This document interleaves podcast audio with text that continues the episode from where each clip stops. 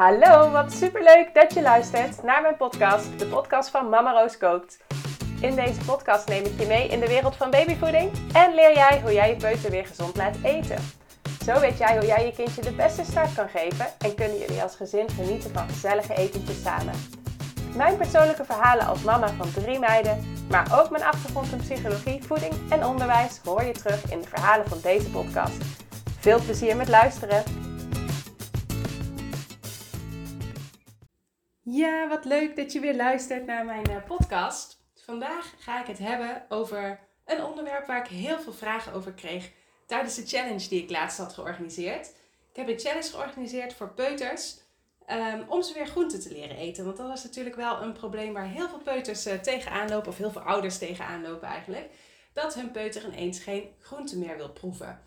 En ja, soms komen ze daarmee echt in een gigantische strijd terecht, omdat ouders echt voelen van, ja, maar groenten zijn belangrijk voor je, ik weet dat het gezond is, ik wil dat je het eet. En peuters die kunnen daardoor nog meer in de weerstand schieten. Um, nou, in mijn challenge heb ik zeven dagen lang elke dag een les of een opdracht uh, gegeven aan ouders, uh, waarmee ze aan de slag konden met hun peuter.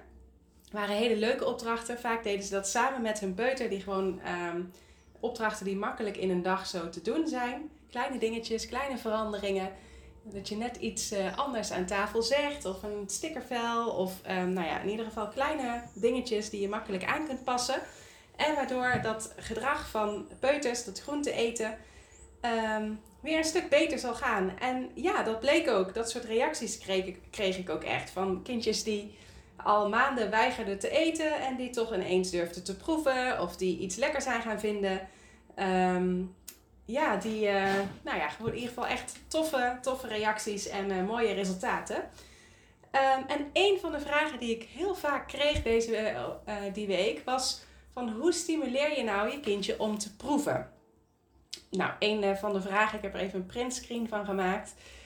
Um, ik weet soms niet hoe ik mijn peuter moet stimuleren om te proeven. Als ik weet dat hij het lekker zal vinden, maar hij het toch niet wil. En er waren heel veel van dit soort vergelijkbare uh, vragen. Dus misschien weet je af en toe van, oké, dit product lijkt heel veel op dat. Dus hij zou het toch echt lekker moeten vinden. Of uh, een half jaar geleden was het nog zijn lievelingseten. Dus ja, waarschijnlijk vindt hij het wel heel lekker, maar op dit moment lukt het niet om het hem te laten eten. Nou, daar uh, wil ik wel even op ingaan. Ik heb natuurlijk zelf ook gewoon uh, drie keer de peuterfase meegemaakt. Met de derde zit ik er trouwens gewoon nog, uh, nog vol in. Ze is net drie geworden. Um, de jongste, Rosa. En de oudste, die is zelfs al geen kleuter meer, denk ik. Die is al zes geweest. Dus volgens mij is dat dan of ze is zes en ze is net, net aan groep drie begonnen. Heeft ze net vier weekjes gehad. Dus volgens mij is ze dan een schoolkind. Um, ook heel leuk trouwens, groep drie. Nou, dat gaat echt zo snel ineens. Is ons elke avond is ons aan het voorlezen. Dan mag, gaan de andere twee gaan naar bed. En Veren mag er nog wat langer opblijven. En ze kan ons gewoon al een boekje voorlezen. Nou, dat, ja, dat gaat dus echt super snel wat ze allemaal leren daar. En nou, ik vind dat natuurlijk fantastisch. En zij zelf ook. Ze is hartstikke trots. En ze mocht al, vorige week mocht ze in, de, in haar oude klas, dus in de klas waar ze vorig jaar in zat, in groep 1, 2, mocht ze ook gaan voorlezen daar aan de kindjes. Nou, dat vond ze ook echt fantastisch. Uh, ze is ook nog heel erg gehecht aan de juffrouw van toen. Daar wil ze ook heel vaak nog even hoi zeggen en zo. Dus het was helemaal leuk dat ze daar dan in de klas uh, weer mocht. Maar goed, terug naar het onderwerp. Um, een van de dingen die ik sowieso met je wil delen is um, dat het heel belangrijk is om geduld te hebben dat je beseft dat eten um, ook een proces is en dat um, of leren eten een proces is en dat jouw peutertje volop in ontwikkeling is. Dus die is bijvoorbeeld heel erg zijn eigen grenzen aan het verkennen in die peuterfase. Wat kan ik wel maken, wat kan niet en wat is dan de reactie daarop en is het dan elke keer dezelfde reactie daarop? Um, dat zijn dingen die hij aan het ontdekken is, maar ook zijn eigen autonomie, wat hij allemaal zelf kan en dat hij steeds meer zelf kan en wat dat dan voor gevolgen heeft. Um, en ja, daarnaast is eten vaak best een beetje iets spannends. En het avondeten, dat is vaak het enige moment dat we groente aanbieden aan onze kindjes.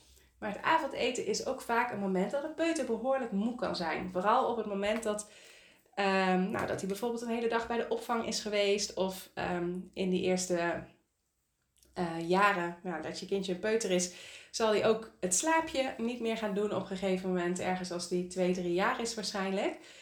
Um, nou, als zo'n slaapje eraf gaat, kun je je voorstellen dat hij dus ook in de avond behoorlijk moe is. Of dat hij ook overprikkeld is van de hele dag. Vaak is die bij wordt brood veel makkelijker gegeten. Nou, dat is misschien ook ten eerste een makkelijker product. Dus ook elke keer hetzelfde hè, als die brood krijgt. En bij het avondeten is het elke keer maar de vraag wat er op het bord belandt. Um, maar daarnaast is hij dus vaak ook bij het avondeten is het veel logischer dat je kindje gewoon al behoorlijk overprikkeld is en moe is. Dus um, nou, zie het als een proces en wees gewoon geduldig. Het kan lang duren. Ga ook niet pushen. Pushen werkt juist heel erg averechts. Dus ga niet zeggen het moet op of het moet op, want dan krijg je een toetje. Uh, of als je het niet op hebt, dan, uh, gaat je, dan krijg je geen toetje. Of uh, nou nog drie hapjes. Dat zijn allemaal ja, eigenlijk push um, dingen die horen bij pushen. Dus dat soort dingen niet doen. Houd gewoon geduld. En natuurlijk heb ik ook nog wel een paar tips.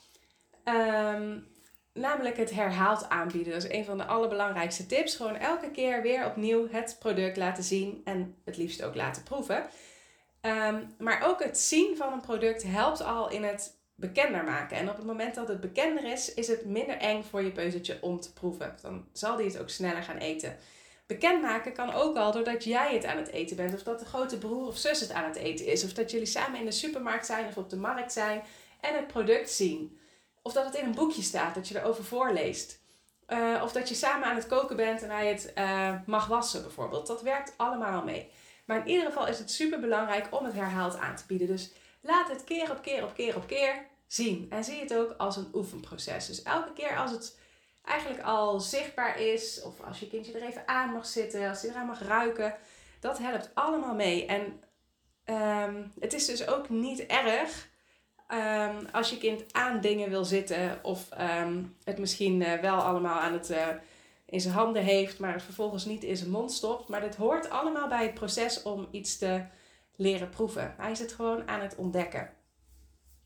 Nou, daarnaast helpt het dus heel erg als je het zelf laat zien dat je het eet. Dat maakt het eigenlijk al een stuk veiliger voor je kindje om ervan te kunnen proeven.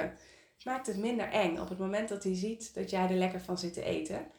Um, en uh, ja, wees er dan ook positief over. Zeg dat je ervan aan het genieten bent. Of uh, ja, dat je het in ieder geval duidelijk maakt dat, het, ja, dat je positiviteit rondom dat product laat zien, zeg maar. Nou, je kunt het natuurlijk ook nog aantrekkelijk maken. Um, ik heb bijvoorbeeld ook een tussendoortjescursus, waarin ik dit heel erg doe. Dat tussendoortjescursus is gericht op babytjes, op peutertjes en op kleuters. En uh, wat ik daarin doe, ik heb allemaal gezonde tussendoortjes. Dus er zit een, uh, een, kook, een kookboek bij met meer dan 45 recepten.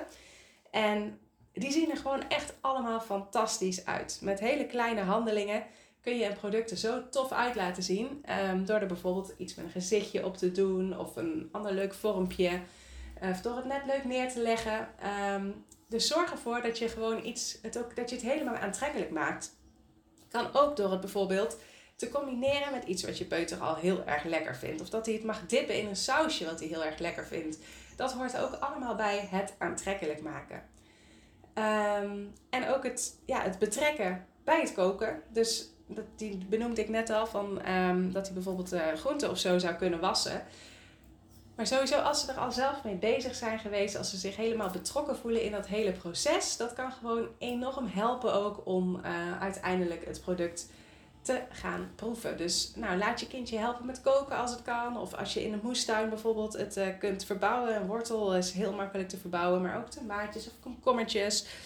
Uh, snijbiet, spinazie, uh, sla. Dat werkt allemaal super goed in een ja, moestuin of een mini moestuin. Kruiden werken ook heel goed. Dus dat kan ook allemaal helpen. Um, ja, nog een hele belangrijke. Houd de porties klein. Dus ga je niet je kindje helemaal overweldigen met een gigantische portie Um, van, uh, ja, van groenten. Dus stel je houdt niet van broccoli, leg dan niet drie super grote stronken broccoli op het bord. Maar geef gewoon um, iets, ja, een, een, kleine portie, zodat het er ook behapbaar uitziet, zeg maar. Dat hij, um, ja, dat hij niet overweldigd wordt. Nou, wellicht kun je ook nog keuzes geven. Dat werkt ook altijd heel goed. Want een keuze voor je peuter, dat uh, stimuleert eigenlijk de autonomie. Ehm, en als mensen autonomie ervaren, dan vinden ze de activiteit leuker, zullen ze intrinsiek gemotiveerder zijn. Dus je kunt bijvoorbeeld keuze geven tussen verschillende groentesoorten. Maar het kan hem ook in de groentesoort zitten. Dus misschien zeg je wel van, we hebben vandaag uh, wortel. We hebben uh, wortel gekocht, dus we hebben heel veel wortels in huis. Hoe zullen we het gaan serveren vandaag? Heb jij een leuk idee? Zullen we er soep van maken? Zullen we het in een saus verwerken? Misschien kunnen we het raspen en nog een salade doen. Ehm, dus laat je peuter vooral ook meedenken. En zo voelt hij zich gewoon ook weer betrokken bij het proces. En uh, zal hij het ook sneller in zijn mond stoppen, want hij heeft daar een keuze voor gemaakt. Um, ja, en probeer ook erachter te komen waarom je peutertje soms aarzelt om te proeven. Is het gewoon die moeheid? Is het de overprikkeling? We hebben bijvoorbeeld echt op woensdag, dan eh, zijn de kinderen naar de opvang. En dan gaan wij echt nooit in de avond iets heel aparts of zo voorzetten of iets nieuws. Nee, we weten gewoon dat als ze thuiskomen dat ze moe zijn. En ehm, dat we ze maar beter gewoon iets kunnen geven wat ze lekker vinden. Ik zorg er wel voor natuurlijk dat ik een gezonde maaltijd op tafel zet die ze lekker vinden. Maar dan eten we bijvoorbeeld vaak iets van pasta met pesto en broccoli. Dat vinden ze echt, dat is een van hun lievelingsmaaltijden. Of we eten wraps en dan mogen ze zelf uh, hun wrap samenstellen. Maar gewoon iets waarvan ik weet dat ze het lekker vinden. Maar op een zaterdag bijvoorbeeld, als we gewoon lekker de tijd hebben gehad, met elkaar zijn geweest, misschien zelfs wel samen naar de markt zijn geweest, boodschappen hebben gedaan. Ehm, ja, dan uh, dat is een veel beter moment om uh, te stimuleren om iets te proeven, om het uit te gaan proberen. Dus dat is ook zeker een, uh, een tip. Nou, ik heb volgens mij nu wel zes, zeven, acht tips met je gedeeld. Ik hoop dat je daar wel dingen uithaalt. Besef je ook dat elk kindje anders is en ook elke fase anders is. Dus bij een kindje van één zullen misschien andere dingen werken dan bij een kindje van drie. Maar ga daar gewoon eens mee experimenteren. Je hebt vast nu dingetjes gehoord die je nog niet toepast thuis. Dus um, ja, wat je kunt gaan proberen. En ik vind het echt super, super leuk uh, als je me ook een berichtje stuurt.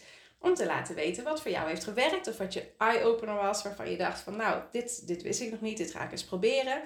Je succesverhaal of juist niet, als het niet is gelukt. Ik vind het echt super leuk altijd om te horen. Dus um, doe dat vooral. Stuur me een berichtje op Instagram. Uh, ik denk ook altijd graag uh, met je mee.